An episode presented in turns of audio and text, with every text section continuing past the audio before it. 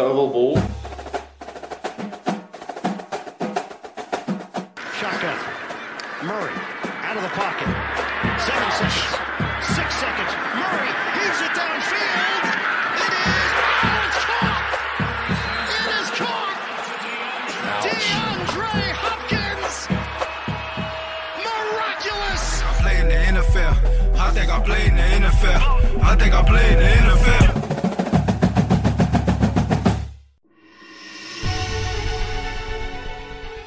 Hjertelig velkommen til oval ball i playoff. Utrolig nok, Kenneth, så er du her, og du har ikke tatt en Cliff Kingsbury og gjort det totalt utilgjengelig. Og kjernen, Stian, er her som alltid. Så hyller en helt fantastisk super Jeg føler jeg er med i kjernen igjen. altså. Det er tredje uka på rad, er det ikke? Kanskje, Kanskje, kanskje. kanskje hverandre. Husker ikke helt. Vi skal selvfølgelig gå gjennom alle kampene og komme med våre følelsesbaserte analyser. Vi får òg plass til en liten topp eh, tre. Eh, før vi får plass til vår egen superreserve oval balls Brock Purdy. Sander Daleng kom på besøk for å prate litt om college. Og ja, vi skal kjøre en grundig gjennomgang av divisional round i playoff. Og ja, vi får plass til en anbefaling denne uka òg. Jeg lar snappen gå. Football til folket. Football til folket. Football til folket. Det er ikke ofte, men eh, denne uka har vi sett hverandre urovekkende mye. mye. gutter. Altfor mye. Ja, rekord. Rekord i året, i hvert fall. Men det har ikke vært så lenge dette året. Nei, for vi satt, for folk, altså for de som satt der ute, vi satt jo sammen digitalt på eh, lørdag kveld, så eh, playoff. Og så eh, møttes vi og Stian fysisk, satt sammen fysisk på søndag. I de deilige stuer med en 70-tommeren av en skjerm, eh, sammen med barn og hund. I hvert fall i Ja. starten. Og så kamp med Kenneth sånn til stede sånn halvveis på, på en chat. Ja, vi var mer opptatt av å prate sammen enn å, enn chatte med Det var veldig lavt nivå på chatten. Det var jo bare meg der. Ja, det var det. Vi var Høyt nivå på opptatt i da. diskusjoner. Ja. Ja. Og diskuterte til og med med min, eh, min eldste sønn, som satt med sin eh, Josh Allen-drakt og koste seg til eh, Dolphins Bills. Det er kred til det, sier han. Det er kred til det. Så eh, det er egentlig det altså Skulle, jeg, skulle noen spurt hva jeg har gjort den siste uka, trekke ut høydepunktet, så er det liksom det som har, det har vært høydepunktet mitt denne helga. Få lov å se playoff. Mm, det samme. gutta. Ja, så var det nesten sånn at man lada opp hele uka til å kunne få se playoff. For det er jo noe man gleder seg til eh, hele sesongen. Når ikke sesongen er lenger, mener jeg. Det er sant. Og sånn playoff leverte. Skal vi bare kjøre i gang? Tenker det. Jeg syns det.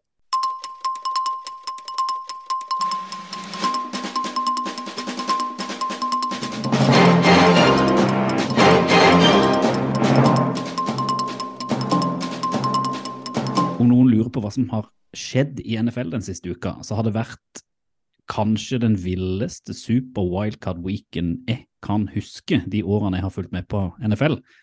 Skal ikke si at det har vært så mange, men vanligvis har super wildcard weeken vært en eh, weekend av kanskje en jevn kamp og masse blowouts.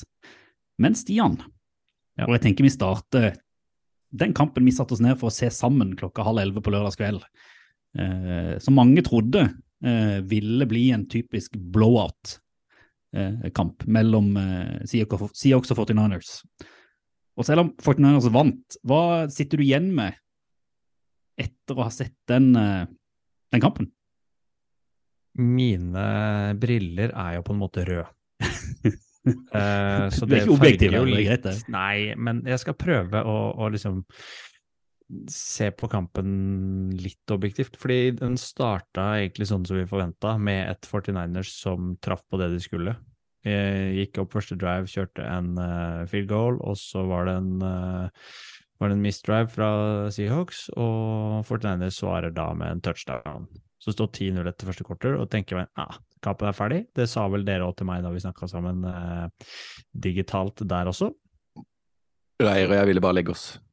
Så vi får opptatt nå, nå nå det nok poeng til vi kunne legge oss. Ja, jeg måtte nesten argumentere for at jeg skulle fortsette å sitte oppe for å se videre.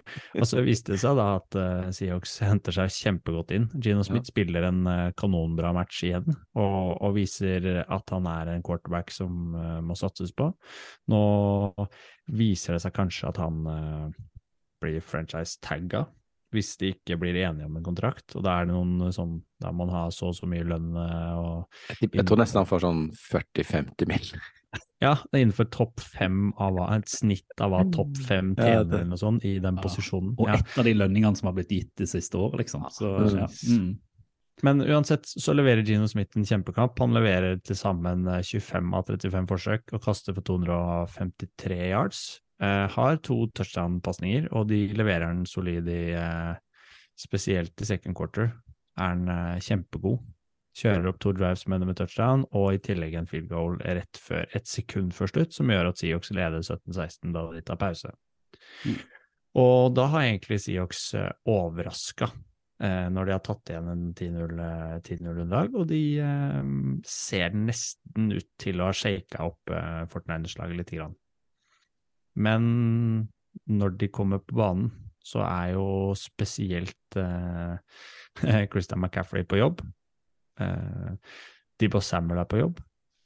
Og ikke minst eh, Brock Purdy og George Kittle. Din mann Brock Purdy. Ja, han er på en måte min mann. Jeg kjemper. Altså, Litt mindre, det vil jeg tørre å påstå. Litt Ja, men når vi diskuterer eh, Brock Purdy, så skjønner jeg at man er litt tilbakeholden når det gjelder han, og, og i første omgang så så han ut som han var rookie. Ikke at han gjorde noen store feil, men han var litt nølende i de valgene han skulle ta.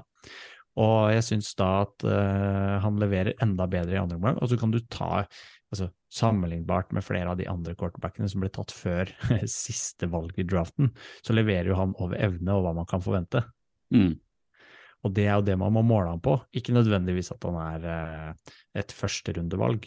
Så, så de valgene han gjør og det han eh, leverer, er kjempesolid til å være et sjetterundevalg, og så ser han jo kanskje ut til å spille seg inn igjen. kanskje en potensiell starterjobb neste år, da, med det, med det som leveres. Og det gjør jo egentlig at eh, kampen fra eh, third quarter og ut, det er en parademarsj for, for 49ers. Og de spiller ut uh, Forsvaret. De leverer poeng nesten på hver eneste drive. Jeg tror de punter én gang, og den punter de vel i first quarter. Det er det de punter i hele kampen. Og selv om Gino Smith og Dickie Metcalf også spiller en kjempekamp, så er ikke det nok til å holde Dickie var bra. Han var Mm, kjempebra. Mm, Det er ikke nok til å holde det forsvaret, og de får en int som er kjempeviktig når de stripsacker um, Gino Smith i er vel nesten i red zone i third Mm. quarter, tror jeg. Mm. Det snur, det hele da kampen er liksom Ja. Mm. Men det, for det, det liksom, jeg husker de, når jeg satt og så dette, nå skal jeg ikke si jeg satt oppe hele, jeg så litt repriser på morgenen. Og det, var, det som var litt interessant, føler jeg, av den delen vi så sammen, altså første omgangen, var at det var, det var ingen som gjorde noe feil. Altså alle egentlig leverte Ingen flagg, feil. det var liksom ingenting å Nei, ikke sant? alt bare fløyt, og det var jevnt. Og så kommer du da, hvor da Se- Seattle har vel er det en, ja, en fumble og en interception eller noe, som gjør da at der vrir det over, og så har de rett og slett ikke godt nok forsvar til å stoppe Fortniner. Så da må de levere plettfritt offensivt for å holde kampen gående, og det får de ikke til. Eh, og det viser jo at et 49er som ikke er sunt for på topp, allikevel vinner ganske kontrollert. Ja, 41-23 endrer det med, og det er eh, kjempesolid. Det er de to turnovers eh, som, eh, som de har, uh, Seahawks, som avgjør kampen her. Men de går jo ut egentlig med flagget til topps, tenker jeg, og leverer en sesong eh, over det man har forventa av dem. Mm. Får på plass forsvarsspillere til neste år, så Og de har jo kjempegode draft uh, bigs ja. ja. og bra cap. Og drafta Så- bra i fjor. Mm. Veldig bra. Best av Så- alle, kanskje. Ja, ja, ja. Mm. Så, men 49ers ser jo ser skumle ut. Eh, Det Det gjør det definitivt. definitivt. gjør. Et annet lag som så eh, ganske skummelt ut, eh, Reier. Ja, har flyt òg.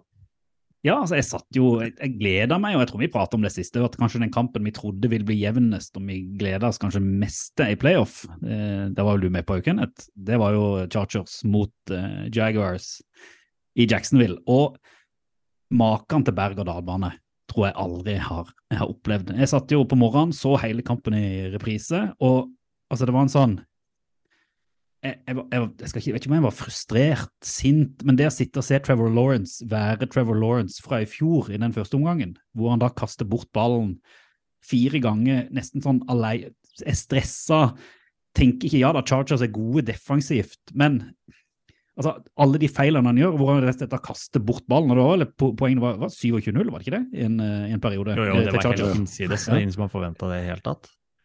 Og så har du da Justin Herbert på andre sida, som er liksom egentlig like nesten generational talent som Lawrence. Mm. Eh, som har en, de har en 27-0-ledelse. Eh, Brendan Staley skulle egentlig bare liksom tøffe den inn. Og så snur kampen totalt i andre ganger, hvor Trevor Lawrence tar på seg liksom den andre hatten han har, den han har vist i år, og bare er NFLs topp tre quarterback. Leverer på alt, enorm statistikk. Fire touchdowns. Charger får ikke til altså, noen ting offensivt. Uh, får vel et field goal. Uh, Dicker the kicker bommer på etter. Det var sykt. Uh, og så greier allikevel at Jaguars å liksom ta inn den seieren ganske sånn kontroll, nesten si kontrollert, med en fantastisk sånn der eh, Doug Peterson, Philly Special-aktig, med Travis Etienne på slutten, hvor han løper, legger seg ned innenfor bounce, og de bare lar klokka gå ut, og de sparker, Mm. sparker field goalet. Eh, men jeg tror det jeg sitter igjen med, er jo én de der eh, two-faca Travel Lawrence. Du, liksom, du vet ikke helt hva du får, og hva er det Chargers gjør offensivt? Altså, du kan ikke eh, med Justin Herbert levere på et sånt nivå i en playoff-kamp. Nesten uansett, altså. Det er fullstendig skuffende. Eh, når. Forsvaret selvfølgelig blir sliten og overkjørt etter hvert. Du, du må kunne levere mer enn tre poeng. Vi snakka jo om det at kanskje Staley kom til å få fyken Mm. bare av dette og uke 18, men nå har de sparka OC, så jeg. Mm. Eh, og da tipper jeg la Staley få bli, siden på en måte Det sånn Det var han som la offeret, på en måte. Han eh. Lombardi. var jo kicka krise, cubicle sånn som de, ja, men bare sånn som Ja. de håndterte Mike Williams eh, i forrige match, da, som gjorde at han røk ut og ble skada. Ja. Og hadde han vært med i den kampen her, så hadde de sluppet å sette opp Mm. typ tredjevalg på receiver for å ta Men hørte dere intervjuet med Joey Bosa etter kampen, eller? Ja, herregud. Han òg var jo en grunn til at de tapte. Surmagra møkkamann. dæven så sint han var, og på dommerne og Ja, Men det ja, var jo Jeg, jeg, nå, jeg så bare sånne highlights eh, på morgenen år, men uh, det var visst ikke sånn eksepsjonell dømming, har jeg funnet, uh, fått med meg. Det var det ikke. Men han ødelegger jo litt for sitt eget lag. Ja ja han, eh, ja, altså Det han gjør, og de får en penalty og, og alt. Men altså, altså, igjen så er det jo det at du, du skal jo egentlig ikke kunne greie å tape en kamp når motstanderen gir deg fire turnovers. Du, Chargers hadde jo ingen turnovers. Nei. Og nesten alle poengene du skårer, skårer du takket være at motstanderen gir deg turnovers. Så greier sant, du pokker meg Samuel hadde jo tre picks. Mm. Uh, Jeg altså, så greier de ikke skåre egne poeng. Jeg tror de har seks egne poeng skåret, altså. Det er jo helt, altså, det er helt hoderystende, det Chargers-offenset som vi trodde skulle være et av NFLs beste. Mm. Ja, jeg litt sur, men uh, gøy at Jaggers Jaguars da gikk videre til slutt. Uh, Jeg skal og de tror ikke ha Brann Staley som coach of the year neste år. Nei, det var de sterkt eh, tippa. Men eh, jeg, når du nevner two-face uh, Lawrence, så tenker jeg egentlig one-face, fordi han viser kjempesterk vinnermentalitet og evne til å snu matcher. Og jeg vil heller hylle han fremfor å kritisere han for den første omgangen, fordi de gjør en del ting som er spennende på forsvarsposisjoner, eh, posisjoner, eh, Chargers der, hvor de kjører mye sånn, hva skal vi si, coverage som er litt eh, skjult da, for, eh, for Lawrence, og setter han i litt sånn kinkige posisjoner hvor han nesten ikke har sjanse til å se hvordan de forsvarerne gjemmer seg og, og lurer han litt. Og det er der han har slitt gjennom hele sesongen. Mm. Og det han snur og leverer i, på slutten, da bare skrur han totalt om og viser hvor uh, solid han var. da. Han blir jo sammenligna f.eks. med Brett Favre uh, i måten han uh, slår tilbake på her. Og det er jo ingen smågutt. Helt, helt enig, altså. Jeg bare, skal, du, skal han videre i playoff nå, så tåler de ikke den mengden av feil. og Det ser man i de andre kampene vi skal prate om her. Der det gjøres feil, da sliter Mm. man, da ryker man. Mm. Kanskje med et om- unntak. Og, og, ja, Ja, og det var det unntaket jeg hadde lyst til å titte videre til Stian. Ja. Mm. Unntaket? Eh, unntaket, ja. For det var, vi satt jo sammen og så Dolphin Bills. Å, jeez, ja. Eh, og, Eh, og der var det òg litt eh, feil som ble gjort. Litt feil som blir gjort. Du snakker jo om, eh, når vi er inne på tredjevalg, så er jo Miami Dolphins har jo sitt tredjevalg eh, på quarterback. Akkurat det samme som 49ers har, bare at det. Det tredjevalget som Dolphins har på quarterback, han ble tatt før Purdy i eh, draften, men leverer definitivt mye svakere. Og det er mange grunner til det. Men det du ser spesielt av Dolphins i pressa situasjoner eh, mot Bills, hvor de må ha poeng og må kjøre opp tempo, så makter de ikke å, å rote seg til og få tatt den snappen tidlig nok til at de får kjørt opp angrepene sine. Det skjer gang på gang at de er akkurat før eh, Jævla stressende å se på. Ja. så er det så mange tilfeller hvor de får penalties på enten fall start eller på, eh, på eh, surr. Så de bruker opp alle timeoutsene da, på Ja, eller på uh, uh, altså, time uh, out of game, eller på hva det heter for tida renner ut, liksom. Eh, ja, delay of game er det vel heter, ja. Mm. Delay of game. Ja. Og, og når vi ser på, hvis du ser på kampen, litt, ligna litt på 49ers eh, til å begynne med, fordi Buffalo leda 14-0 etter first quarter, og da tenkte du hm, det skal bli en sånn kamp, ja. Det her har de ikke kjangs engang. Men så snur Dolphins om og klarer egentlig å levere ganske fint i second quarter og er oppe på 17-17 til Josh Allen får er det et halvt minutt og to timeouts som han har igjen, og så kjører han opp en eh, field goal drive som gjør at eh, Buffalo leder med tre poeng når de tar, eh, tar pause der. Og så kjører, så kjører Bills virkelig i andre omgang, og litt fordi Miami Dolphins aldri kommer opp på nivå. Og det er først og fremst en blanding av playcalling, innkjøring og Scarlett Thompson som ikke Jeg vet ikke om ikke han skjønner playbooka, eller om man gir feil beskjed, eller hva som skjer liksom i kommunikasjonen, men det er en eller annen svikt i systemet der som gjør at ting ikke fungerer optimalt. Og de lykkes heller aldri helt med pasningsspillet sitt, og det er noe run game, og de får satt opp Waddle og Hill i noen få situasjoner, men ikke nok til Waddle at hadde ikke et catch før langt ute i kampen. Nei, Jeg synes det er Altså, jeg synes det er sånn overraskende kritisk til Dolphins her. Altså, Bills vant med tre poeng over Dolphins på hjemmebane. Et Dolphins med tredjevalg på quarterback eh, som ikke hadde blitt innkjørt. Altså, Hvor er kritikken mot at Bills nesten går ut og deler ut ballen til alle motstanderen bare de har den i hendene? Allen kaster bort ballen. Altså, Det er jo grunnen til at det er jevnt her. Altså, det, er jo, det er jo, som du sier, det er ikke fordi at Dolphins er gode, men det er jo at Bills holder på på akkurat samme nivå som Trevor Lawrence gjorde. Altså, De kaster bort ballen, de fømler ballen, de greier ikke ta imot punts. Altså, må, altså De må ikke svartmale Dolphins så mye. Jeg er jo egentlig kjempeimponert over det Mike McDaniel, altså McDaniel greier å få temme det laget der. som var, kanskje de, de, hadde, de var 14 poengs underdog, så vidt jeg skjønte, før den kampen. Og, og dette var jevnt. Verdens lengste kamp, blant annet. Eh, Det varte jo fire timer, Mm -hmm. Uh, dette her. Eh, så, Ja, og det er for- litt fordi de aldri får tatt snappen i Miami-leiren. Ja, men altså, altså- de brukte så mye tid. Men, men vi kan ikke være altså, De var underlagsdømt Dolphins, og så leverer de egentlig en kjempekamp. De gjør jo dette her til en ordentlig fotball til folkekamp.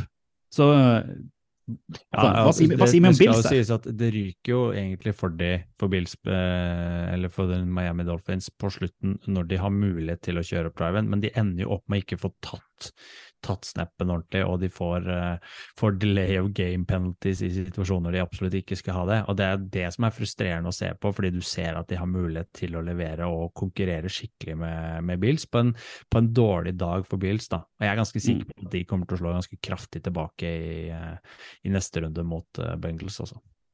Hvordan var det å se Dolphins-laget ditt, Kenneth? Du satt jo, der satt jo heia der. Det var var så gøy. Plutselig kom følelsene fram. Dolphins Ja. Gøy at underdogen skal vinne her, da. Hadde på meg Tua-drakta. Han mangla jo denne kampen. Da hadde de vunnet. Ja, ja. Men eh, nei, det var jo altså eh, Grunnen til at man ender opp nå med å snakke litt sånn kritisere Dolphins sitt, er jo liksom at de var jo faen så nærme. Nettopp. Og, og de kunne Det var deres egen feil at ikke Altså, de hadde 15 yards til field goal range, da, på, helt på tampen der, for å få uavgjort, og, og så var det liksom delay of game, false start, og så bare ah, Altså, Det er, det, det er sånne dumme Irriterende. ta. Ja, men, uh, ja man men blir eh, frustrert. Men det er, du har jo et poeng, Reier. De fortjener jo hon honnør for å være i nærheten av Bills på bortebane der. så er det jo Ja. Men det er jo divisjonsoppgjør. Mm. Uh, og det er greit, det er tett og jevnt mellom lag som kanskje skulle ikke være så tett men divisjonsoppgjør lever sitt eget liv, kjenner godt til hverandre, møtes jo to ganger i året, og tredje gang de møtes, ikke sant? Det er liksom ikke bare bare å høvle over de laget som kjenner deg så godt, da. Men det er et Det er noen som sier at bare før vi går videre til neste gang, definisjonen på galskap er å liksom gjøre det samme om og om igjen og forvente et nytt resultat. Resultat. Jeg mener jo det er litt sånn definisjon på galskap å hele tida tro at Bills neste gang så kvitter de seg med turnovers. Neste gang kvitter de seg med interceptions. To, Neste gang kvitter de seg med feil. Litt som at neste gang så treffer Brady Mike Evans på en pasning. Ja. Vi skal komme det- tilbake til det òg. det, ja, altså, men det er bare liksom den der, der at jeg er litt usikker på om dette Bills-laget Det er godt mulig at de, Ja. Josh Allen skjerper seg, men jeg tror ikke de kommer til å spille feilfritt. Og det kommer vi sikkert tilbake til. Et- Det er et problem. Ja, absolutt. Absolutt er det et problem. Eh, og Allen har jo hatt veldig mye mer interceptions i år enn han hadde, og turnovers enn han hadde i fjor. Og han fømla vel ballen tre ganger eh, i denne kampen, og Dolphins eh, recovera jo bare én av de. Sånn at det kunne gått enda, enda verre. Eh, så absolutt. Men eh, Bills Altså, det handler om å gå videre. Ja. Og, Og hvis vi hopper til neste match, da, så Ja. var det et lag som Der var det kanskje underdogen som vant, var det Ja. ikke det? Jo, jo. Og det er sånn, man sitter alltid med en sånn eh, I fjor var det Bengals, som er sånn der, det laget som Det skulle jo ikke få det til. De hadde ødelagt offensive line og bare liksom gravd seg videre. I år er det Giants. Det er ikke tvil om at i år er det Giants. Det er godt mulig at de er, at de er ferdige. Her sitter du i Cavon-drakta di. jeg har vært Det der på den i dag.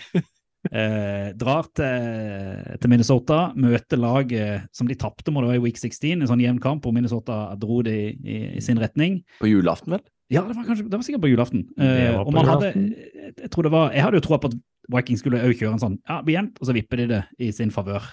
Ja. Men altså Altså, Jeg vet ikke. Dette kan Vi sikkert, vi skal møte Sander etterpå, men jeg er usikker på om det Vikings har et så uhorvelig dårlig forsvar Jeg tror det. at det, at det er liksom sånn kniv i varmt smør, eller om det er Giants som bare rett og slett hadde gjort leksa si med Brian Dable og bare lagd opp masse play schemes og greier som funka.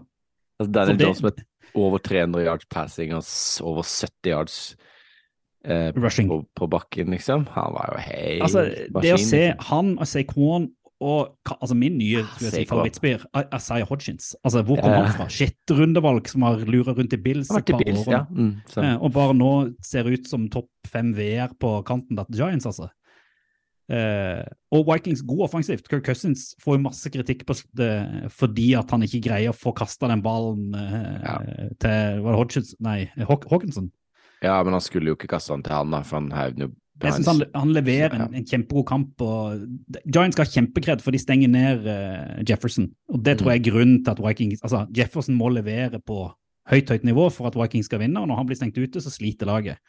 Uh, men det forsvaret til Vikings er jo et av NFLs klart dårligste. og da, altså, Endelig ble de avslørt. Mm. Eh, De er ikke det Det er 12-4-laget det som nivået her. Vikings er på. Ja, Det er dette. Ja. Men jeg vil, jeg vil bare hylle Giants. Det er egentlig alt det. Jeg, altså, den, det er den gøyeste kampen jeg har sett denne runden, bare fordi at ja, det var Giants med alle sånne under Altså alt var undervurdert der, og så bare Mm. leverer de. Saquon som skulle ut, Jones som skulle ut, hele Giants var bare ferdig, og så bare nå er det jo Det blir jævla spennende hva de gjør nå. Altså Både Daniel Jones og Saquon er jo på utgående. Ja.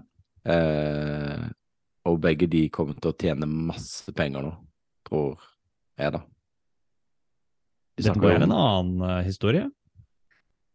Er det ikke? Det er sant. Men eh, vi, nå var ikke, dette var ikke et divisjonsoppgjør, selv om vi følte sånn, men det var et divisjonsoppgjør til. Det er et Football, Kenneth.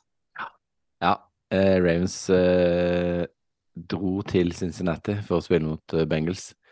Og dette var jo en repeat av uke 18. Ja. Eh, så de møttes jo forrige uke, og dette er to lag som ikke liker hverandre. I det, Det så du tydelig ja, Ja, på stemninga. De det er en dårlig, sur stemning mellom eh, spillerne. Eh, Og trenerne. og treneren. Og den historien som Eller noe av det som på en måte også var en sånn backdrop, var jo at Lamar Jackson ikke var der. Eh, han er jo skada, ikke sant, men, men liksom at ikke han var der på playoffen, og det er kontraktsnakk, og det er masse sånn derre styr i, på bakrommet nå i Ravens. Egentlig litt uvant til å være de, føler jeg, som er veldig sånn rigga organisasjon og alltid med og spiller bra og sånn. Men de hadde jo Huntley tilbake, og de altså kan si det sånn at Bengals også kanskje er litt sånn som Bills, da. At eh, de burde jo egentlig spille mye ikke bedre enn helt opp på toppnivå. Nei, ikke sant. Nei. Men da, er, er liksom, er det på en måte dette der med to lag som kjenner hverandre godt, og så da er det, kommer det ned til sånne viktige én ting som skjer som vipper kampen, da. Og det var jo liksom en 14 poengs vipp på eh, når 50 cm? Ja, på Ja. 50 cm, da. Hvor det var vel han eh, Pratt vel som stoppa Huntley, Mm. som skulle hive seg over Huddle og inn i en sånn, og så mista han ballen, og den havna i Eller Logan Wilson var det kanskje som slo den ut, og så havna han i hendene til Sam Hubbard. Hubbard, som løp hun- nitt- ja, 94 yards eller et eller annet. 100 yards. Og Han var ble stor mann, løp nesten- fort. ble nesten tatt igjen av eh, Mark Andrews. Eh, og da ble det istedenfor at Ravens gikk opp til, i sjupoengsledelse, så gikk Bengels opp i sjupoengsledelse. Jeg tror han kan være glad for at noen blokka for den eh, på turen mot en som Ja.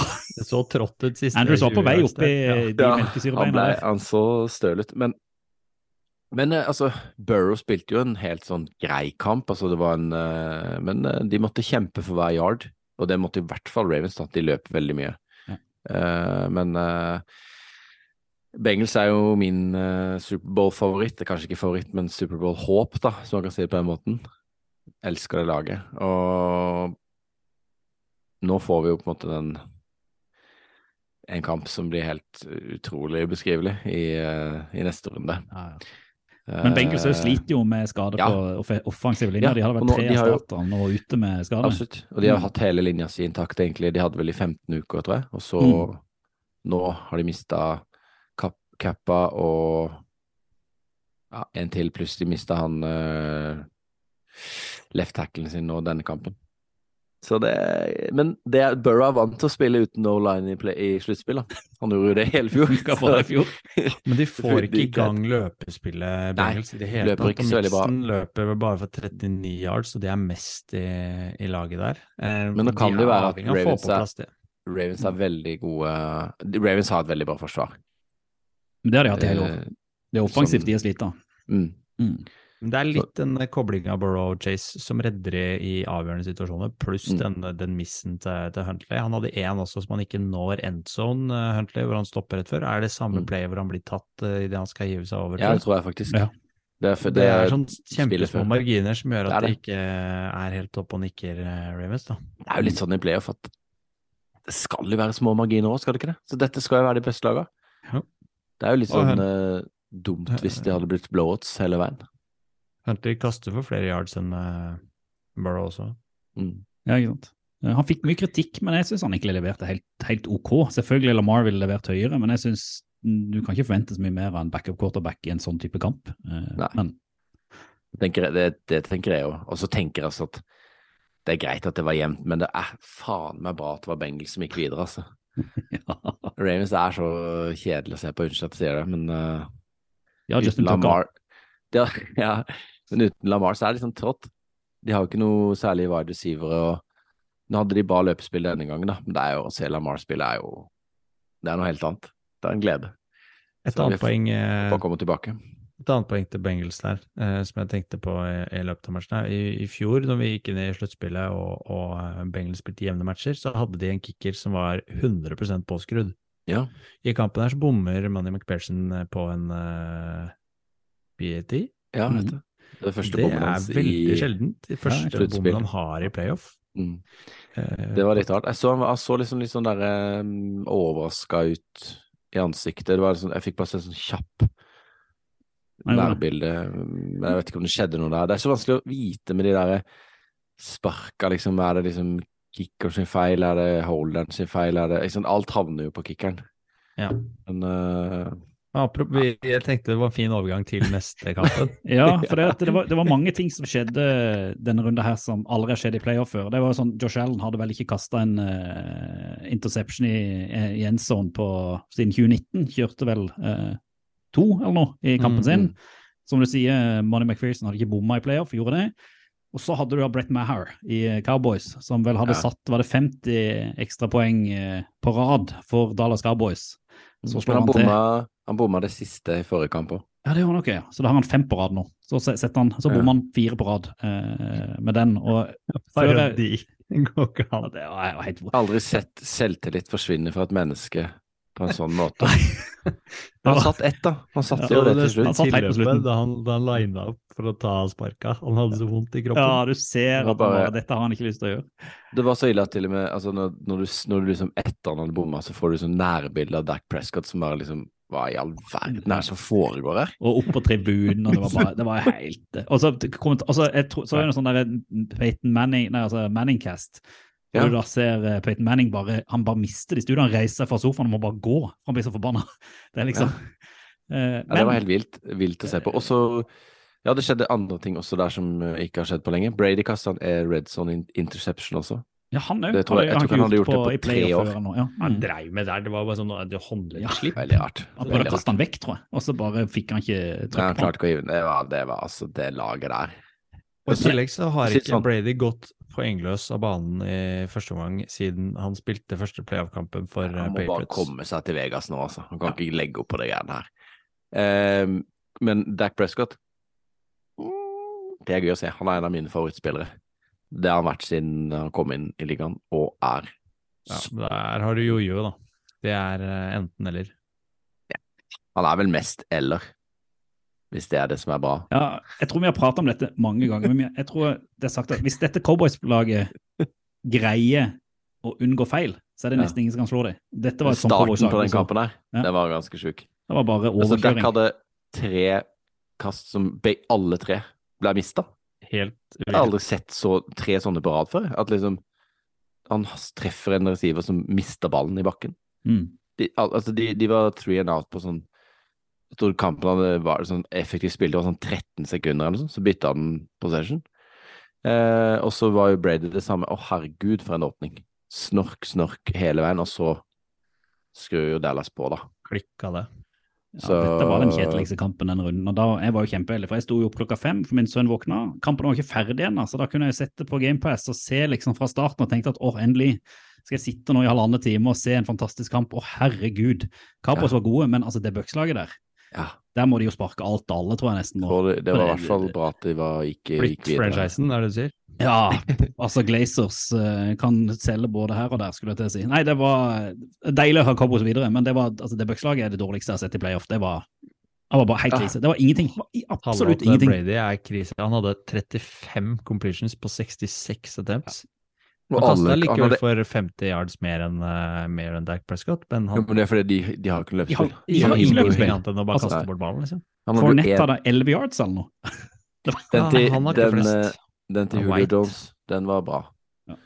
For Brady. Men ellers var det tull. Men uh, ja, tilbake til Dak Prescott. Han hadde jo Hva han hadde? Fire touchdowns, 305 yards pluss én som han løp inn. Det er grei statement å ha sett det sånn første playoff-kamp. Men så er jo Dallas kronisk opp og ned, selvfølgelig, som du sa, eh, Stian. Det er ikke bare Dax som er det, det er jo på en måte hele laget. Så Mm. de trenger jo å ta med seg all den selvtilliten de får her nå til neste kamp. Ja, de, slipper, de 14 test. poengene de slipper til, er nesten 14 for mye, sånn som uh, Buccaneers spilte i utgangspunktet. Men det var jo bare garbage time, egentlig. Ja. Altså, de leda jo Selv om det var som et sånn lite håp der eh, når eh, han hadde bomma Fire. fire, fire Fire, fire ekstra point. Ja, det er så rart. Schultz gjør kjempekamp Ja, han var eh, på tight end, både i blokkspill og i Han har to touchdowns vel, og har nesten 100 yards. Det er kjempesolid. Topp tre. Tre topp. Pott tre. Opp tre. Topp tre. Ovalvals, topp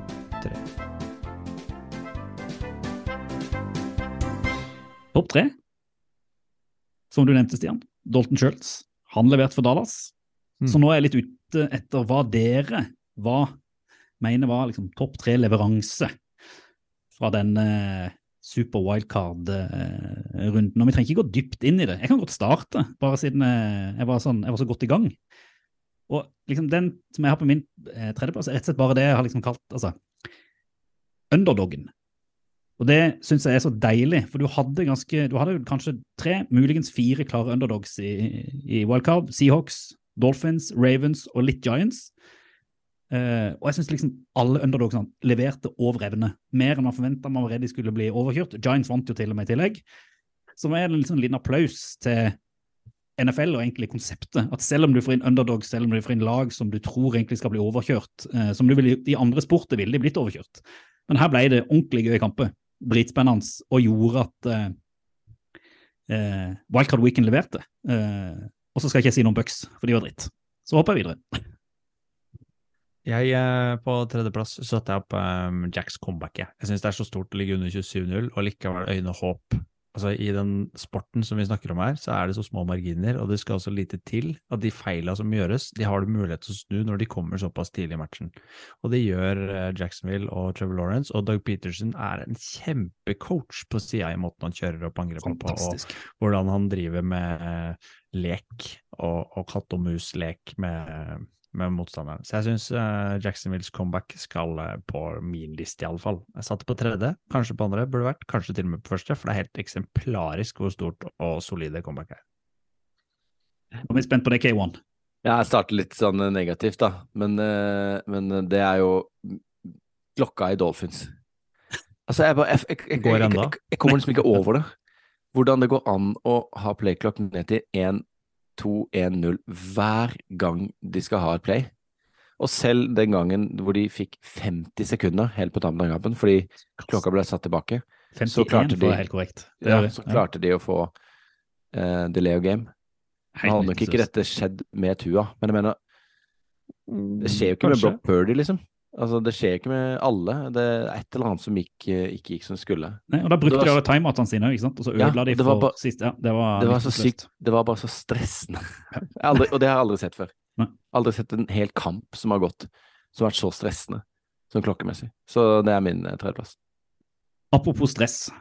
Min andre- andreplass er jo litt det du nevnte, Stian. Stian, og det, altså, det er rett og slett marginer. Eh, spesielt det liksom klareste er jo denne her Huntley Hubbard-situasjonen, hvor det er 50 cm fra syv poeng til Ravens, og så blir det syv poeng til Bengals. Og så har du da eksempel Dickery Kicker, som bommet field goal i kampen mot uh, Jacksonville, som egentlig gjør at hadde han satt det, så måtte Jacksonville fram og skåre en touchdown istedenfor det field goalet. Jeg tror de hadde fått det til, men der er liksom, ligger det og vipper og gjør, gjør uh, kampen òg, som du nevner her med Dolphins og Bills. Dette med, altså Rett og slett en bom på klokkmanagementet og bruk av timeout gjør at de ikke greier å komme seg fram og få sparka et potensielt overtime-spark og få kjørt den kampen eh, videre. Og jeg, det er kanskje noe av det jeg elsker aller, aller mest med NFL. Det er at det er, det er så tett, det kan snu så fort, og hvor mye sånne små, små marginer har, har å si. Og det syns jeg det Wildcard Weekend virkelig viste. Så eh, da må jo det på lista, selvfølgelig fordi det er, det er gøy. Det er dødsgøy. uh, min nummer to uh, Vi har jo snakka litt om det før og spekulert i det. Um, er det takk for nå, Tom Brady? Han har jo etter sigende signert en TV-avtale som skal være ganske så uh, rå når det gjelder å få lønn. Det går vel noen rykter om at han har tapt altfor mye penger i krypto, Tom Brady, at han trenger kanskje den lønna der. ganske- Kanskje derfor de ble skilt? 8K, Ja, kanskje det. Ja. Men eh, det, jeg syns det må på andreplass, at han, eh, det han har levert. Og vi må sikkert lage en spesialepisode bare dedikert Tom Brady når vi kommer så langt. Ja, men han skal jo spille i Vegas. Ja, vi får se, da. Han er ferdig i tempo, iallfall. Det er helt sikker Ja, det tror jeg vi kan si sikkert. Eh, 49ers, ja. men Ydmyke Tom Brady. uh, måten han holder pressekonferanse på. Han har gått ut, han har tapt. Han har egentlig sett ganske grinete ut når han har tapt kamper, men her har han på en måte innsett at uh, hit, men ikke lenger med det laget, kanskje. Uh, og synes slik som det er satt opp, men han velger også å takke både organisasjonen, han takker medspillerne, han takker alle liksom i pressekonferansen. Han takker til og med pressen for Ja. måten de jobber, Mm. følger laget på, velger å stille spørsmål og være eh, med å, å gjøre det sirkuset til det det er. Eh, og, før han går av, så ser han jeg håper at jeg har kunnet bidratt med noe til dere òg. Og, og går bare rolig av eh, scenen. Jeg syns det var et fint, ja, eh, fint øyeblikk. Ja, Goat. fint øyeblikk. Så Goat. jeg vil bare ha Tom Brady opp der, fordi han eh, er vel det som had, var håpet til Bucks her. Definitivt. Helt. Uh, mitt, sånn, min tema for topp tre er eh, ting jeg ikke har sett før, uh, og ting som er litt utrolig. Så um, Brett Maher, det var sykt. Vi snakka om det i stad. Han må på en eller annen liste. Det ble min. Fire bom på ekstrapoeng. Det var såpass ille at når de hadde fourth and four på tampen av kampen, så ville de ikke De gadd ikke å ta field goal engang, de bare gikk for det. Nå ble det, selvfølgelig- nå ble det faktisk touchdown der. Men uh, de hadde nok sikkert tatt field golden hvis ikke han var helt utafor, stakkars. Men vi sa det samme om Eddie Piniero uh, i midten av sesongen. Han er ferdig. Ja, Trodde han hadde fått ikke det? sparken, vi. han hadde sånn 30 på rad etterpå. Ja. Og jeg har sett intervju i etterkant. Det virker som om de gir han en sjanse og bygger han opp igjen. Så, men så er leverer han ikke neste kamp, så er han ferdig. Ikke er selvtillitskamp, da. Selvtillitsposisjon. Nummer én. Nummer én. Nummer én. Nummer én. Og det er jo Jeg prater om det i stad, men jeg, jeg kommer ikke unna det. Altså, definisjonen på det jeg har liksom kalt en sånn medioker quarterback på alt, det er jo Daniel Jones. Og, men det å se Daniel Jones mot Vikings, det var nesten en sånn åpenbaring. Eh, han, er jo, han er jo svær. Han, er, har liksom aldri, han har vært så anonym at jeg har liksom aldri Jeg har ikke kikka så mye på han før. Fordi at de har hatt et løpespill, han har liksom vært der. Men det er iallfall den første omgangen. Jeg satt litt og så det hos det, Stian. Skal ikke si at jeg så det mens jeg kjørte bil hjem, og mens jeg satt der hjemme før jeg skulle legge meg. Og det var bare For en fantastisk spiller når han er i form og møter et relativt dårlig forsvar. Han løper, han ser, han kaster. Det var, eh, det var liksom som å se en sånn topp tre-quarterback i, eh, i NFL. Og jeg tror jo det han har gjort denne sesongen, sørger for at han får et liv videre i NFL, om det blir i Giants eller ikke, det vet jeg ikke, men han har man liksom tenkt på som en typisk sånn Mitch Trubisky nesten, eh, backup. Nå tror jeg han kommer til å bli en QB1, så er det bare et spørsmål om hvor. For potensialet er jo, det er jo virkelig der. Eh, og jeg har da, han blir jo min store helt nå i playoff framover. Uten tvil. I én kamp, da. Ja, ja, ja. Det er ferdig. ferdig nå. Skjer et eller annet, blir skada før kamp. Men, han, eh, men ja, vi får spekulere litt og se hva som skjer sånn, når playoff og Superbowl er ferdig og vi har fått pusta litt og begynt å se på neste års uh, rosters. Uh, en som har koll på rosteren, er på min førsteplass, tar på de røde brillene igjen og vender blikket mot Kyle Shanahan. For jeg syns etter den kampen og den seieren til 49ers, så er det Carl Shanahan som skal ha eh, mest ære for måten han setter opp de superstjernene og de eh, enkeltspillerne og de ferdighetsposisjonene, skal vi kalle det det, som han har eh, til rådighet. da. Det er han som sørger for at Brock Burley kan levere. Brock Purdy leverer eh, over evne nesten etter til å være et sj- sjetterundevalg, som vi snakka om, men han blir satt i situasjoner hvor han har Jeg tror det er kun to pasninger han gjør som eh, han er tvunget til å gjøre når motstanderen er pressa, eller når medspilleren er i en pressa situasjon. da når ikke mottakeren er åpen og kan ta imot ballen. Eh, og så har du det, det touchdown-runnet til Debo Samuel, som kanskje er et klasseeksempel på hvordan Kyle Shanahan designer angrepene sine, og hvordan han bruker spillerne på best mulig måte og leker med, leker med mm, eh, motstanderens eh, forsvar, eh, hvor han setter opp eh, både McCaffrey og eh, Kittle i blokkposisjoner og egentlig kan være kapabel til å ta imot ballen. Og så får han eh, Burry til, å- dra han utover slik at både Ayuk, som drar ut og gjør corneren eh, usikker, sørger for at Debo får akkurat de få meterne han trenger til å stikke fra, og Terry Golan, tror jeg, som omtrent sniker seg ut av banen fordi han er redd for å bli blokka av George Kittle. Um, og så er det jo i tillegg når du setter Debo Samuel i den posisjonen som gjør at han kan løpe liksom 70 yards og dra hjem touchdown. Da. Så det er et sånt kroneksempel på hvordan Kyle Shanahan får det til. Og han gjorde nesten det samme playet i, eh, da de møtte Seahawks i grunnspillet.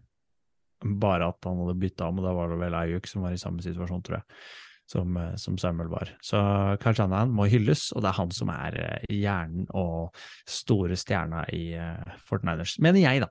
Hilsen 49ers-fan. Ja, men er du enig i det? Nei, jeg er helt, jeg er helt enig. Jeg er kjempeimponert. enig. Kjempe, kjempeimponert. Jeg er mer enig i det enn Brock Purdy, den unisone Brock Purdy-hyllesten du kom med i chatten. Nei, men den Men- er ikke ja. Det er greit. Den trenger ta den, med en forsvar. andre Jeg gidder ikke forsvare den, for du skjønner hvor, hvor det kommer Ja, fra. nei, ikke sant? bare tull. da. Du? Eh, ja, mitt tema var jo ting som er utrolig, som ikke har skjedd før. Så jeg tar på min førsteplass at vi eh, vant i tipping. Vi har gjort det to, to uker på rad nå, gutter. Altså, Ja. jeg hadde Tippekongen er tilbake. Uh, Ravens pluss 7,5. Sikra oss gevinsten. det var jævla gøy, altså. Jeg tippa Jacksonville. Den var jo ikke Nei, vi var, det, var, det var ganske on the limb-tipping denne gangen sist. Ja, tippa eh, Giants, så eh, det var Det, det gikk inn. Det gikk inn. Ikke sant? Vi har, nå, eh, nå, har vi har ikke snakka om eh, den absimale tippinga vår i hele år. Nå følte jeg det var på tide å hylle oss to Ja. flotte uker. Nevner må Utrolige ting som ikke skjer så ofte. Så vil du ha dårlige oddstips, så det bare å følge oss på sosiale medier. De kommer hver uke mens det er sesong. Det er det beste jeg har hørt. Dette er gøy. Det der, det er fett. Oval ball anbefaler. Vi skal til Danmark. Topp tre er Det er en skryllest til dansk NFL, er det ikke det? Ja, dansk NFL. Men vi har jo hylla våre svenske brødre for at de har mye bra content om eh, NFL. Vi har hylla mange av våre norske venner for at de har mye bra content om NFL, og da tenker jeg vi må jo til Danmark.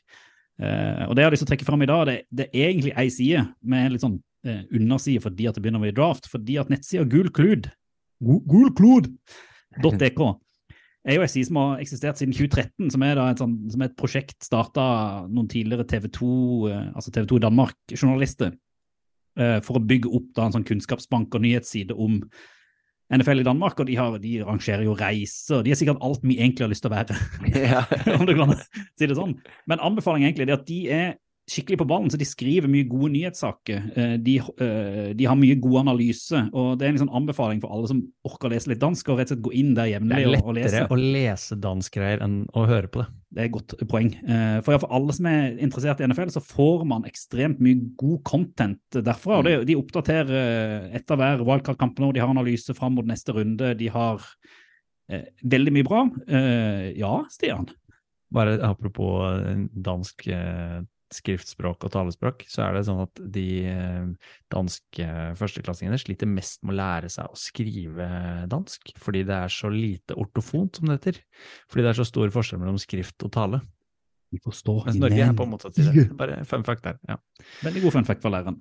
Og så vil jeg bare følge opp med at for nå begynner vi å nærme oss draften, og det kommer vi til å prate masse om nå framover. Eh, og Gul Klud har da liksom et sånt sideprosjekt som, het, som heter draftbeat.dk.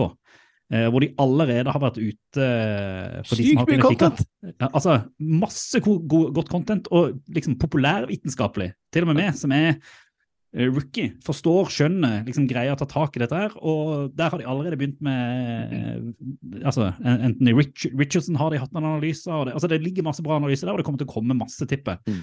fremover. Så en kjempeanbefaling om å sjekke ut gulklud.dk og draftbeat.dk.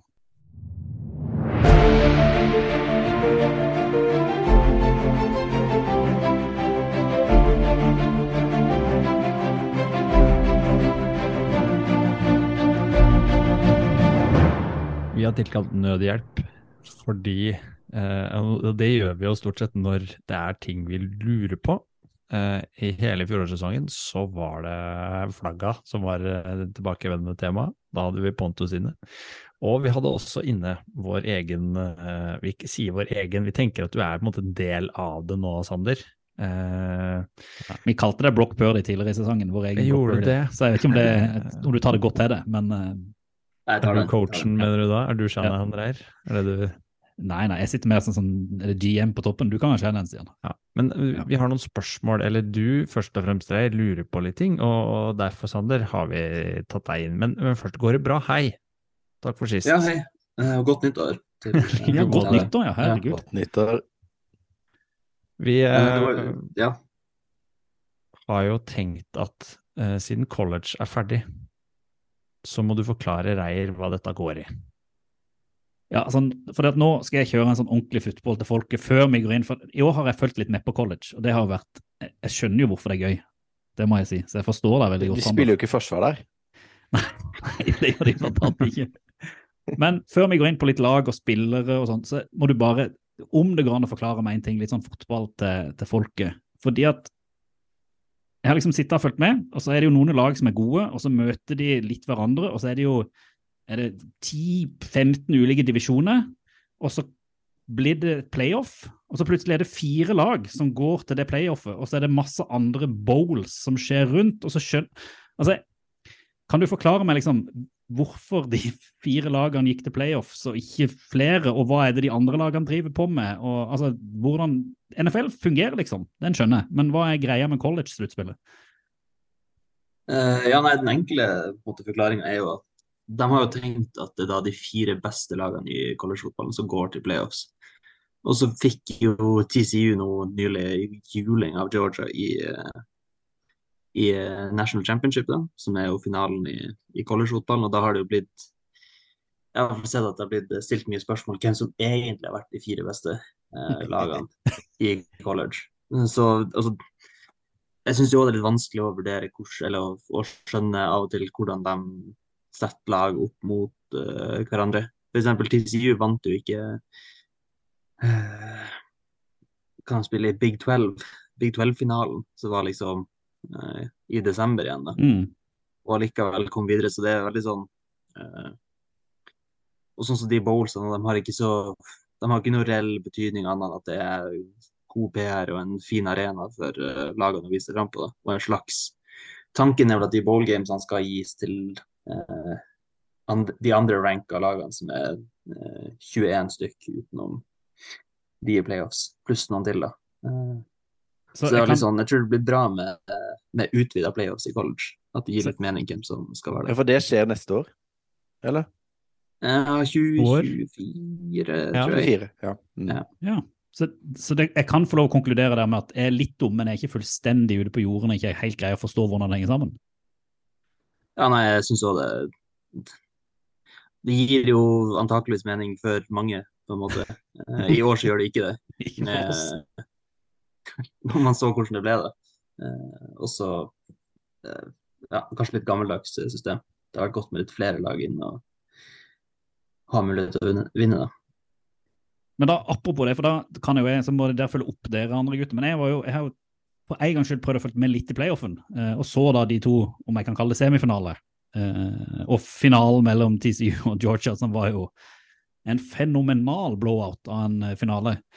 Eh, en, hva, hva sitter du igjen med litt etter college-sesongen? Og egentlig to, hvordan gre greide TCU for det første å vinne den kampen de gjorde for å komme seg til finalen? Eh, hva er liksom dine takes av spillere og lag eh, eh, etter college? Eh, er det noen liksom store, store ting du tenker folket må vite om, eller du har lyst til å trekke ut som du sitter igjen med? Eh, Ja, nei, For det første så er det jo ekstremt hvordan Georgia har eh, bare overtatt eh, college-fotballen helt. Eh, det er veldig, Selv om det kanskje ikke virker sånn gjennom en sesong, og man ser at det er veldig eh, styrkeforholdene mellom lagene er ganske svære, så det, det er kjempevanskelig å vinne, å vinne to år på rad, som Mm. Georgia har gjort. Mm. Og det var litt gøy også for dem som har sett klipp som er gått rundt av et intervju da under den collegefinalen med Nick Saban i college-studio, hvor de liksom sier at eh, han uh, George Jenner er liksom har gjort noe som ingen andre har gjort, på en måte, og er veldig på en måte sier at han har tatt over, uh, tatt over collegefotballen. Og du ser at uh, Nick Saban sitter der og er ikke veldig interessert i å fortsette den samtalen. og det beskriver litt uh, imponerende med de to årene, da. Mm. Nei, og TCU, som du sier, det er jo allround godt lag. Eh, Vi blir jo se noen av De har f.eks. en cornerback-duo som jeg tipper blir å gå eh, de første fire rundene. Eh, per dags dato i draften som kommer til våren. Eh, og akkurat nå så har de òg min favoritt-wide receiver i, i draften som kommer. Eh, så det er noen profiler der, men sånn Vi sitter sånn bare og er gleder oss til Sander Darlings første mock-draft. Jeg regner med den er liksom i halvveis produksjon i hjernen, i hvert fall? Eller? Ja, tenker litt på det når man du ser eh. Nei, men etter Superbowl, da må man klare å klare å få lagd noe. fall. Ja, den PFF mock-draft-generatoren har fått kjørt seg litt allerede. eh, allerede. Men hva tenker du om, eh, om, eh, om Georgia-spillerne da som kommer ut, og som Stetson Bennett og hele den Altså, han har jo vunnet to år på rad nå, på en måte. Han, Han blir drafta, eller? Kenneth, er han ikke? Han, blir drafta, eller? Uh, ja, han blir nok, uh, blir nok definitivt drafta, men uh, sånn som jeg Det var noen som snakka om det på Twitter om dagen, eh, og selv om Han har jo på en måte erobra college-scenen, men jeg tror nok ikke vi ser så veldig mye av han i, i NFL, da. Med det første, i hvert fall. Så er det jo som dere sier, han er jo eldre enn veldig mange av de quarterbacksene som spiller allerede, og Mm. Ikke, ikke størrelsen eller de eh, ferdighetene som han kanskje Som NFL er så glad i, hvert fall. Men man ser jo litt nå sånn som at uh, Kenny Pickett tok et ekstra år, eh, og Joe Burrow spilte liksom Han var jo òg relativt gammel når han kom inn i ligaen, at kanskje de At mange av de quarterbackene faktisk tjener på å ta et ekstra år på college, eller? Eller er det liksom bare Pickett og som er liksom unntak fra regelen, på et vis? Ja, jeg vil heller si det at uh, Ja. både Burrow og Pickett var i en uh, posisjon fra før av hvor de var snakk om som uh, relativt sent i draften, og så valgte de å og, sjanse på at de kunne bevege seg på det, det neste året, da, og tok jo den sjansen med, med glans. da. Mm. Stetson Bennett Jeg drev jo så litt på han i fjor fordi at jeg mistenkte at han skulle gripe muligheter etter championshipet til å, til å entre draften, men det gjorde han ikke. Eh, jeg, jeg tror nok han er på den, den sida at han ikke hadde gjort så mye Det hadde ikke gjort så mye forskjell uansett når han Mm. valgte å declare. Og En oppfølging der fra, fra Kenneth, for her er det jo vi som prøver å skjønne ting, men ikke har skjønt alt. For jeg har skjønt nå at det er inngått noen avtaler i college som ikke har vært tidligere, at college-spillerne får altså noe mer rettigheter til navn og reklame som gjør at de rett og slett tjener ganske godt med å spille i college, og dermed så er det flere av de som ønsker å bli der et ekstra år, fordi at de nesten tjener bedre hvis de er toppspillere i college, Mm. enn om de går inn i draften i NFL og blir tatt i lavere runder med å spille på sånne rookie-lønninger. Er det noe hold i det, eller er det bare vi som har misforstått? Ja, det stemmer nok litt, for du har de NIL-dealsene eh, som går rundt. Eh, det var jo en eh, som kom fra high school, som signerte for et college-lag i sommer, og signerte da en eh, sånn eh, sponsordeal som gjorde at han eh, kom til å tjene ganske bra med penger, og så valgte han jo å ikke spille en college-nepp Eh, han la opp, rett og slett, eh, men satt igjen med sponsoravtalen. Eh, men for sånn som ja, kanskje det beste eksempelet nå er jo CJ Stroud, eh, som var Det florerte litt eh, rykter om at han skulle gå tilbake til college. Men i, altså, hvis du blir drafta i, i første runde i NFL-draften, i fall, så tjener du mer penger i løpet av det første året som rookie enn du gjør på de sponsoravtalene Ja, okay. Ja. Mm. Mm. Hvis det, er la, det det er lavere runder da eventuelt som kan sitte og vippe på, på den eventuelt. Ja, så hvis du Mm. er spådd på dag tre og kan tjene deg bra med penger på sponsoravtaler, så ser jeg for meg at det frister mer enn eh, Og så er du jo stjerne òg, da. Sannsynligvis. ja. I college. Altså de, og de spiller jo med 100 000 på tribunen, og på en måte Jeg så jo hvilken, eh, hvilken Hvor var det Bryce Young var med på reklame? Så dere den Det var en eller annen kamp vi så. Han plutselig har jo reklame på nasjonal TV, liksom. Så satt liksom Bryce Ja. Young i en sofa der og på en måte Ja, annet. Ja. Ja.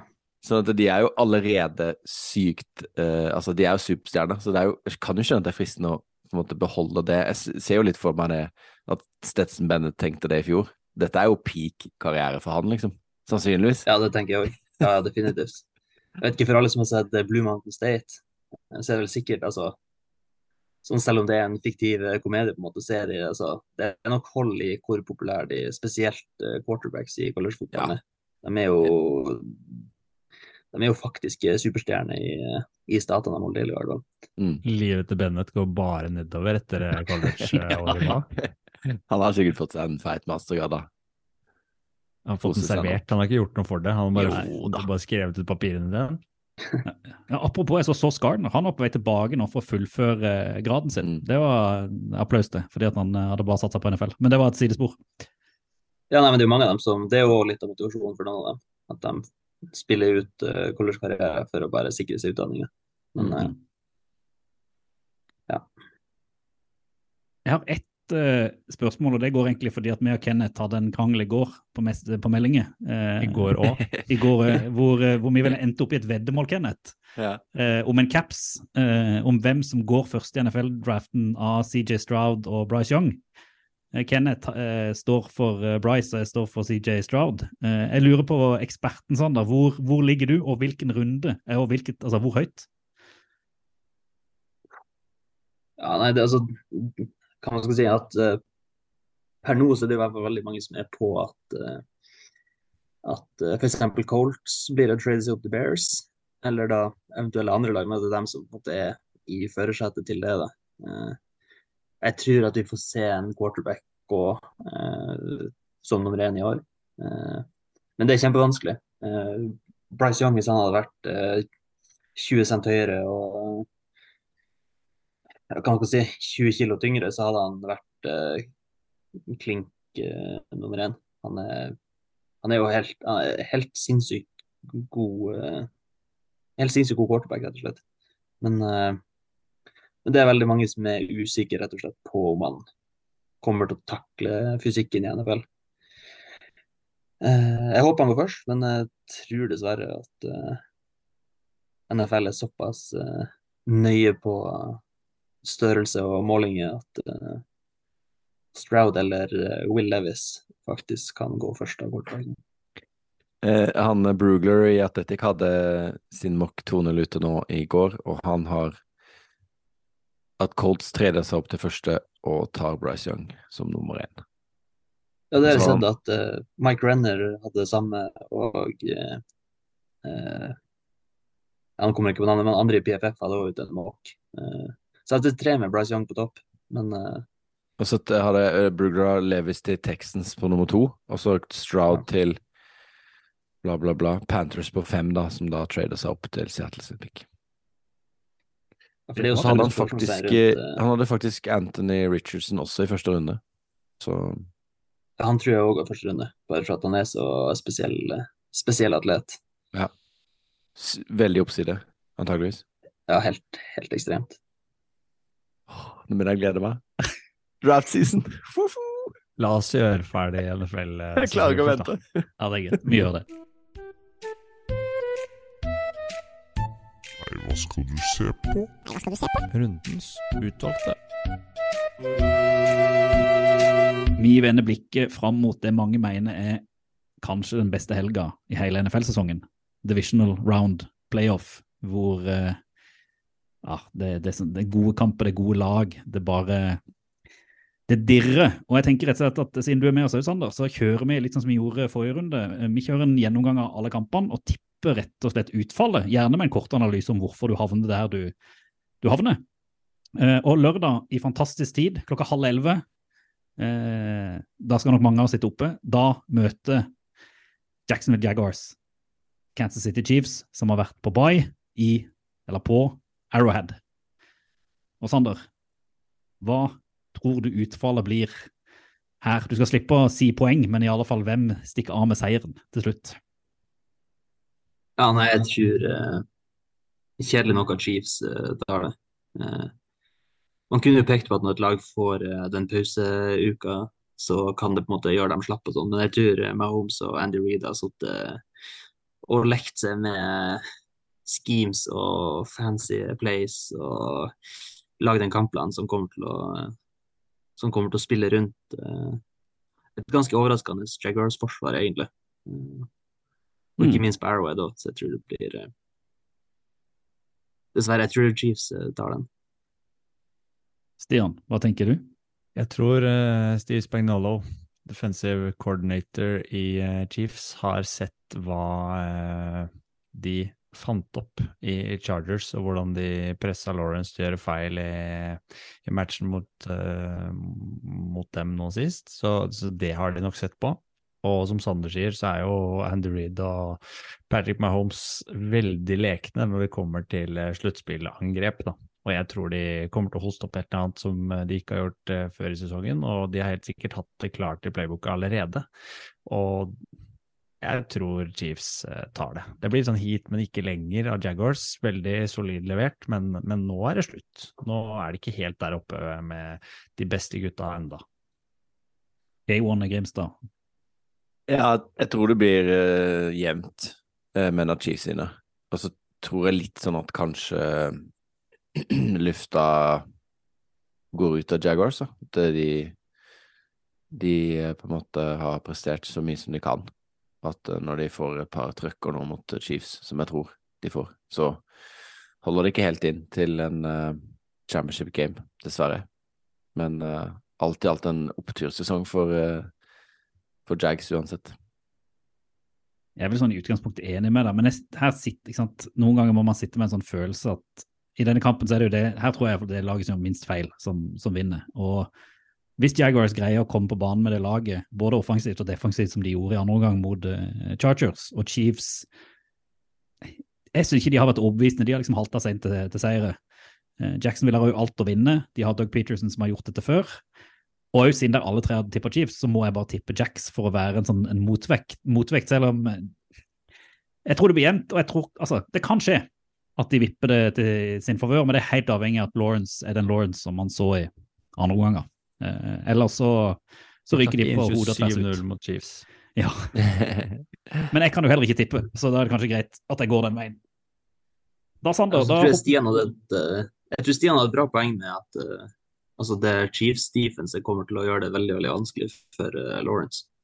det Eh, han er jo fortsatt ung, så når det på en måte lines opp litt ting som han kanskje ikke har vært utsatt for tidligere, så tror jeg det kan vippe det i Ja, altså, oss- oss tre sin favør. Chris Jones har jo gjort tidenes uh, sesong Ja. eh, til han å være, og det er også et pluss uh, å ha med. Ja, Chris Jones har vært kjempe, kjempegod i år. Ja, jeg tror ikke du skal sette alle pengene du eier på mitt tips, men nå står det i alle fall der for å skape litt spenning når vi møtes neste uke. Eh, natt til søndag, divisional game. Giants drar til Philadelphia for å møte et Eagles som òg har vært på bye. Sander, hva, eh, hva føler du, tenker du? Hva sier hjernen, hva sier hjertet her? Det er litt kjedelig at eh, Giants endte opp med å skal møte Eagles. Eh, altså, Eagles er for eh, for allround uh, god. Uh, det passer deres kommer til å ta livet av uh, den stakkars innsida på linja til uh, Giants, og Giants klarer ikke å både stoppe running backsene, Jalen Hurts og receiverne til Eagles, så jeg tror Eagles vinner den ikke bare knapt, men veldig komfortabelt. Det var en god analyse. De moser de. Du sier det, Kenneth? Ja, ja. Ja. Blowout. Eagles Blowout. knuser de. Reier. Nei, hjertet, det har jeg sagt, det sier Giants, men her, her greier jeg ikke ta den Jacksonville-veien som jeg gjorde, gjorde sist. Her uh, står jeg jo på Eagles òg fordi at jeg så litt hvordan når de møttes her, var det i week 18, selv om det var litt reserve og sånn. Altså det var, det var klasseforskjell. Uh, og selv om det er divisional game, eh, så tror jeg det i Philadelphia og, og det Eagles-laget med, med Hurts hvis han, altså han spiller jo òg, så da er jeg helt enig. Det, jeg greier ikke helt se at Giant skal kunne greie å stikke av med den. Og du, Stian? Da får jeg meg motvekt nå, da. og det gjør jeg ikke fordi Det gjør jeg ikke fordi jeg Men Eagles kan ha, og de har halta lite grann, uh, uten at de nødvendigvis har tapt. Så gikk de haltende til bye. Altså, kan det hende de har liksom fått restarta og gjort noe med det, men, men Giants har flyt. De eh, spilte på sitt kanskje aller beste sånn offensivt nå mot Vikings, og det kan de fint klare å opprettholde. Og så er det noen sånne X-momenter forsvarsmessig for, for, for Giants som de må opprettholde, og, og så kan ikke Eagles kanskje ha en topp dag offensivt hvis de skal ha mulighet til å slå dem, og det kan godt hende at de ikke har. Så jeg, jeg tror kanskje den største skrellen kommer i Philadelphia, og det blir krise og, og uh, ordentlig sorgenstemning og gravøl i, på, på søndag. Du kan Ja, jo tippe, men det liker jeg ikke. Og det ble jo nevnt eh, Chris Jones i stad, men på Giants så må vi jo gi litt uh, oppmerksomhet til Dexter Lawrence. Mm, han ja. har, den kampen han hadde mot The Vikings, det var, ja, det var, Ja, det var så bra. Mm. Ja, det var ja, helt. De, ja, der må liksom alle gutta levere på topp, og så Hodgins må leverer levere, levere ny superkamp. 95, da. Og det er litt sånn som vi, når vi så Dolphins og Bills nå, nå sist, da, så skal ikke liksom Eagles mange hakk ned i prestasjonsprosent før, eh, før Giants er der, da. Før man merker at det er mulig, på en måte, sånn mentalt. Så jeg tror den kommer, jeg. Der. Og så, ja, det, det er kanskje liksom kampen over alle kamper. Søndag klokka ni. Kampen som ble avbrutt i first quarter i week Var det week, det var week 17, var det ikke det? Eh, Om ikke jeg tar feil. Eh, Bengals mot Bills, bare at nå spilles vel kampen i Buffalo. Han ble jo spilt i i Cincinnati sist. Her har det vært mye kritikk, skal jo sies at denne kampen kanskje burde vært på nøytral grunn, fordi at det kunne jo vært motsatt. Hadde Bengals vunnet den kampen, som det kanskje så ut som at de gjorde eh, for noen uker siden. Eh, men jeg, jeg skal ikke gå til det først hver gang, Sander. Kenneth, jeg tenkte jeg kanskje gå til det nå. Hva tenker du, hva tenker du her? Nei, jeg tenker at først og fremst så er vi jo eh, Dette er jo football til folket. Eh, kanskje årets football til folket, egentlig, vil jeg si. I absolutt primetime for vår del klokka ni. Du kan sette den på for oss som har barn etter ungene har lagt, lagt seg, og du kommer i seng rundt midnatt hvis ikke du skal sette opp og se neste kamp. Eh, og det er beste, de to av de beste quarterbackene i ligaen. Eh, det er to av de beste laga i ligaen. Eh, det er noen av de beste wide receiverne i ligaen. Eh, og det er noen av de beste coachene i ligaen for, for akkurat nå. Og det, det er liksom bare åh, Ja. Og så er det alle de ja, Hele den backdropen med med DeMar Hamlin og det som skjedde, og på en måte Nei, det er bare Det kommer til å bli en helt vanvittig affære som jeg tror at Bengals vinner. Det er mest fordi jeg håper det, da. For jeg håper på Joe Burrow igjen i Superbowl, at Bengals får et Superbowl-trofé, egentlig. Men eh, ja, denne kampen er jo umulig å spå. Jeg kan jo følge opp før jeg sender videre til og det er litt bare tilbake på det vi sa før Sander kom inn, hvor dere kritiserte Dolphin så mye og glemte Bills eh, På en måte, Jeg tror Bills, selv om de er de beste laget, får svi her fordi de gjør for mye feil. Eh, selv med en offensiv linje som Burrow kommer til å bli løpt ned av. og så tror jeg rett og slett at feilene til Bills gjør her at Bengals stikker av med, med seieren. Òg fordi at Bengals har litt rutiner fra i fjor, og Bills rota det litt til i fjor. Eh, selv om jeg egentlig håper på Bills, så tror jeg Bengals tar den. Sander, Eh, ja, uh, du var litt inne på det. Det er jo egentlig fryktelig urettferdig at den her skal spilles uh, i Buffalo. For selv om det, det var veldig trist med Hamlin og måte at det ikke skulle ha noe negativt utfall for noen, så endte de opp med at Bengals mista en rettferdig sjanse på å skaffe seg en hjemmebanefordel her. Nei, jeg tror det kommer til å bite dem òg. Jeg tror de taper mot, mot Bills. Selv om Josh Allen har sett altfor ustabil og svak ut i år. Eh, Så jeg tror ikke Bills starter Superbowl, men jeg tror de tar, eh, tar her i denne matchen. Jeg tror eh, det samme som Sander. Fordi at eh, skadene til Bengals og eh, løpespillet, eller fravær av løpespillet i Bengals, tror jeg feller de her. Eh, og McPherson er ikke 100. Så jeg, jeg, jeg tror ikke de kommer inn liksom eh, riktig skrudd sammen til å hamle opp med Bills eh, i Buffalo. Det tror jeg det blir for eh, for mye Buffalo Bills House, og så tror jeg egentlig Allen leverer eh, stikk motsatt av det du sier, eh, Reier. Jeg tror han faktisk nå leverer og viser hvorfor han er playoff-good. Så si at det er sterkt å melde at uh, kickeren er questionable, da. Det er, Ja, det, det gjør jeg det- bare fordi det gutta er ti av ti spådommer. Ja, men det er jo, Ja, ja. gutta er jo bare opptatt av de gutta som sparker. ja, men én ting må, må jeg si, da. Klokka halv ett natt til mandag, hvis ikke den kampen til Bengels og Bills varer like lenge som Bills og Dolphins, som ble ble vel NFLs lengste kamp, over fire timer, så møter det Cowboys 49ers i er det Santa Clara, denne stadionligaen i San Mm. Francisco. Eh, og her, Sander, kan vi vel prate om en questionable kicker, i alle fall. Det er lov. Før kampen. Ja, det er det sykeste jeg har sett. Eh, Jeg var jo ikke oppe i natt, men jeg så den i, morges. Jeg trodde det var ja. Nei, og så så jeg etterpå, så fikk jeg opp på Instagram en en sånn sammensetning av liksom det beste internett hadde produsert i løpet av natta. Ja, ja, han fikk så gjennomgående, stakkars, eh, stakkars kickeren. Ja. Fra liksom. Manningcast til bare diverse videomemes og alt. Alt mulig. Man tror Ja, det, var, det var ordentlig vondt. Ja. Ja, det var ordentlig vondt å se på det til slutt. Eh, men hvis du, skal, hvis du skal tippe utfallet, og du må ha i bakhodet at Brat Maher foreløpig ikke er slippa og trolig kommer til å spille kampen uh, for Cowboys, hva, hvor tror du dette går? Uff, Nei, Cowboys så jo altfor sterke ut mot, uh, mot Bucks i natta. Eh, men om det er fordi at Buccaneers har vært uh, De har jo vært svake hele sesongen, egentlig. Mm. Uh, man blir litt lurt. Jeg blir iallfall litt lurt av uh, hvordan laget ser ut på papiret, og Tom Brady og Så de er jo vanskelig å vurdere, da. Eh, men det så, det så ekstremt proft ut, og Fournette og Rashad White fikk jo ikke løpe noe. Og hvis, klart, hvis de klarer å demme opp løpespillet til uh, Shanahan, så, så vinner de kampen. Det er jo ingen tvil om det.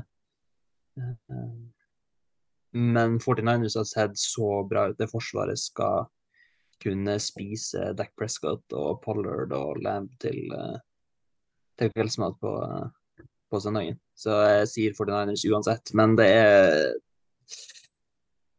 Det er ikke noe trygt i det hele tatt å, å si det. Eh, 49ers, Stian, hva, hva tenker du? Hvis jeg spør han om det, da. Jeg må jo høre, iallfall. eh, Jeg må høre før vi går videre til deg, Kenneth. Jeg tipper Cowboys vinner, jeg. For Oi. nå tror jeg streaken er slutt. Slutt, jeg da. Jeg gjør det. Slutt med det tullet, da. Det er sant. Det er ikke sant. Det er tull. Jeg tør ikke Nå tro bare, på at de vinner du bare sikrer deg sånn der Å, kan ikke så høy på med Er du fornøyd uansett hvordan kampen går? Jeg vant Ja, tippinga men- med laget mitt rykker ut. Men, men du er seriøs? Du går for Cowboys? Jeg gjør det. Jeg tror uh, Jeg tror Dak Prescott og det fyret de satte i gang i teltet, det er For Niners må på en eller annen måte spille en dårlig kamp, eh, og det er lenge siden de har gjort det. Og hvis du gjør det mot Cowboys, og Cowboys er på jobb, som de var nå mot Bucks, så får de virkelig svi. Og det tror jeg kanskje kommer nå. Da, Kenneth. Mm. Da er jeg spent Jeg skal på se, jeg kommer til å se kampen. Det regner jeg med. Ja. Så jeg håper, jeg håper den blir fort ferdig, den Bengals Bills-matchen. Er det sånn at Ja. Shanahan var offensive coordinator under Dan Quinn i Atlanta? Når de tapte uh, ja. den Superbowlen? Det stemmer, det. Det er et subplott, vil jeg si, i denne kampen. Eh, og jeg tror litt på at Michael Parsons kommer til å spise Brock Purdy til kveldsmat, for å bruke en tidligere brukt referanse. Han må Eh. forbi et par stykker, da. Ja, jeg, Så jeg- møter jo Trent Williams, som er den beste, kanskje spilleren i NFL. eh, Hvis Ja. man eh, Men Glemmer bort Parsons er jo ikke langt unna å være blant de beste spillerne i NFL, han heller. Jeg tror eh, Dallas vinner. Ja, Du gjør det. Jeg er jo enig i det at jeg tror dette sånn sett er den jevneste kampen på papiret, eh, og kan gå begge veier. Men jeg eh, Altså, det jeg satt igjen med i hvert fall å se Bucks mot Cowboys, det var hvor enormt pressa Brady var. Eh, altså, de la press på han kontinuerlig, og jeg tror Brock Birdie for første gang kommer til å bli han kommer til å bli kjørt. Han kommer til å bli virkelig, virkelig, virkelig kjørt. Og jeg er veldig spent på hvordan både Shannon legger opp spillet, og hvor mange feil han kommer til å gjøre. Det tror jeg kommer til å avgjøre seg. Men jeg tror jo Doug Prescott, kommer til å bli kjørt. Og man har sett hva som skjer med Prescott når han blir kjørt. Da gjør han feil. Uh, så jeg tror, kom, jeg tror litt sånn Her tror jeg det kommer til å bli gjort mye feil offensivt. Det kommer til å bli jæklig godt forsvarsspill. Og så tror jeg det laget med minst feil vinner, og jeg tror det blir 49ers til slutt. Uh, rett og slett fordi at til sammen så mener jeg det er et bedre lag enn en Cowboys. Men jeg er helt enig at det er helt oppe i lufta. Og herregud, for en gøy kamp det kommer til å være å se. Ja, dette blir en kul kamp. Du vet, spådommene dine alltid nå her har vært det laget som gjør minst feil, vinner. Men det høres teit ut. Men det er en god spådom. Ja. Ja. Altså, kunne du, du kunne kritisert meg hvis jeg sa det mellom uh, Jacksonville og Chargers, for der var det komplett feil. Mm. Eh, men nå føler jeg det så jevnt at du har liksom ikke mulighet til å ha masse turnovers og allikevel vinne kampen. Kanskje Eagles kunne gjort det, kanskje Chiefs kan gjøre det. Jeg tror ikke verken Cowboys eller 49ers kan gjøre det i den kampen. Jeg Men var det som har fått lite oppmerksomhet i denne matchen, det er jo at 49ers får to dager ekstra hvile. Eh, Det er et godt poeng. til å si det. Det har jeg faktisk ikke tenkt på. Vil du Det var, eh. Jerry Jones var tidlig ute og kritiserte det på, på Twitter og alle sosiale medier som var mulig å, å skrive noe og sånt noe. Ja, det, det skjønner jeg godt. Jeg syns det, Mm. det er rett og slett svakt. Altså, for akkurat det her kunne de eh, sett. Vi visste at Vikings kom til å snuble mot uh, Giants, og at vinneren i den kampen her kom til å møte 49ers, da. Eh, Nei, det, det er litt merkelig. Og så mm, kan det jo sies at uh, selv om Cowboys får to dager mindre hvile, så eh, Hvor mye har det egentlig å si? Mye. De skal reise òg, må du huske. Ja, Og i, fjor, og det, altså, i fjorårets oppgjør så var jo det kjempejevnt. Da stilte jo Fortnite litt mer sånn skadeskutt inn i, inn i playoff enn det de gjør nå, hvor de stiller fulltallig med enda bedre løperekke, f.eks. Og med de dagene ekstra hvile, ja Jeg vet ikke. Kanskje de, de hviler for mye? Snur du nå? Du snur, da. Nei, snur. Nei, snur tilbake. Vi, eh, vi planlegger iallfall å legge dette her ut eh, på ovalball.no med sånne fine logoer som er all credit til, til Stian, sånn at dere kan se hva vi har tippa, gå inn og kritisere oss eller applaudere oss i, i, i etterkant. Og så kommer vi selvfølgelig tilbake neste uke for å Applaudere. ja, applaudere. Må jo applaudere. Heia ovalball. Jeg applauderer meg sjøl hver dag. Jeg treffer, jeg Ja, det er sant. Det er Ja. sant. Det er sant. Eh, og så må jeg få lov å si tusen takk for at du ble med oss, eh, Sander, på en sånn liten sånn der, uh, visit. Vi, Nydelig. ko- vi kommer til å invitere deg tilbake nå i løpet av offseason for å prate draft, draft, Uh, og sikkert sånn egen Kenneths draft-spalte, tipper oh. hvor han bare skal stille deg masse spørsmål om alt annet. Sykt, jeg gleder meg så sykt til den draft-guiden. Nå kommer den? Uh, ja, nei, det må vi se på. Men den kommer i hvert fall. Det er det viktigste. Press, press. Ja, men jeg har sett, sett masse når vi brukte jula godt. Ja, konge. Så Jeg gleder det meg, blir, eh, Det blir game med draft. Ja, det blir blir sykt. en fest. Ovalbanen. Fotball til folket. Er det kanskje den beste helga i NFL som kommer akkurat nå, dere? Som kommer. Ja, den kommer. Ja, Det tror jeg. Syns hver helg med NFL er eh, den beste helga. Ja, du er så demokratisk. Det begynner å gå mot slutten, og det er liksom vondt. På, Ja. At det også er det så lenge. Det starter jo ikke før i september. mm, men det er snart draft, da. Ja. Dæven. Det skjer. Det skjer mye. Men nå, skal, nå tror jeg de gamle, nå sitter vi her seint på en tirsdag kveld. Ja, nå tror jeg de gamle gutta skal gå og legge seg og lade opp, sånn at man har litt uh, søvnoverskudd før helga igjen, hvor man da ikke skal sove. Ja, men nå er vi jo i innspurten, gutter. Dette tåler vi. Ja da, vi skal gjøre som profidrettsmenn og holde ut. Kenneth, eh, er du med neste uke? Nå har du hatt en bra streak. Ja, Time will show. Jeg vil ikke love noe. Satser på det. Vi får ta med Sander. Vi, Vi må får snakke det med han. hvis du ikke her. trengs. Det er Viktig med supersub. viktig med supersub, som i hvert fall kan levere, i motsetning til Nei, jeg skal ikke si noe mer. Nei? Nei, nå tenker jeg vi uh, sier takk for oss. Gleder oss neste uke. Følg med på Oval Ball eh, pod på eh, sosiale medier for oppdatering og info. Og har du et eller annet du har lyst til å hy hyle ut til oss før nå eh, Superbowl og sånn, så send oss en mail på ovalball. Kontakt etter ovalball.no, bare så det er sagt, det òg. Ikke sant, Stian? Det er helt sant. Og så Gul Clue kan du også huske på. Kjempegøy å si. Ja, Google.dk. Vår nye favorittside. Vår Legg den i favorites. Oh, yes. Ja, takk for nå. Vi prates eh, til helga. Football til folket. Fotball til folket. Football til folket. Do the Titans have a miracle left in them in what has been a magical season to this point? If they do, they need it now. Christie kicks it high and short. Going to be fielded by Lorenzo Neal at the 25. Yeah, it Pitches to- it, back to Wycheck. He throws it across the field to Dyson. He's got something. 30, He's got something. 50. He's got it. 40, He's got it. 20, 10. He's got it. End zone. Touchdown Titans. There are no flags on the field. It's a miracle. Tennessee has pulled a miracle.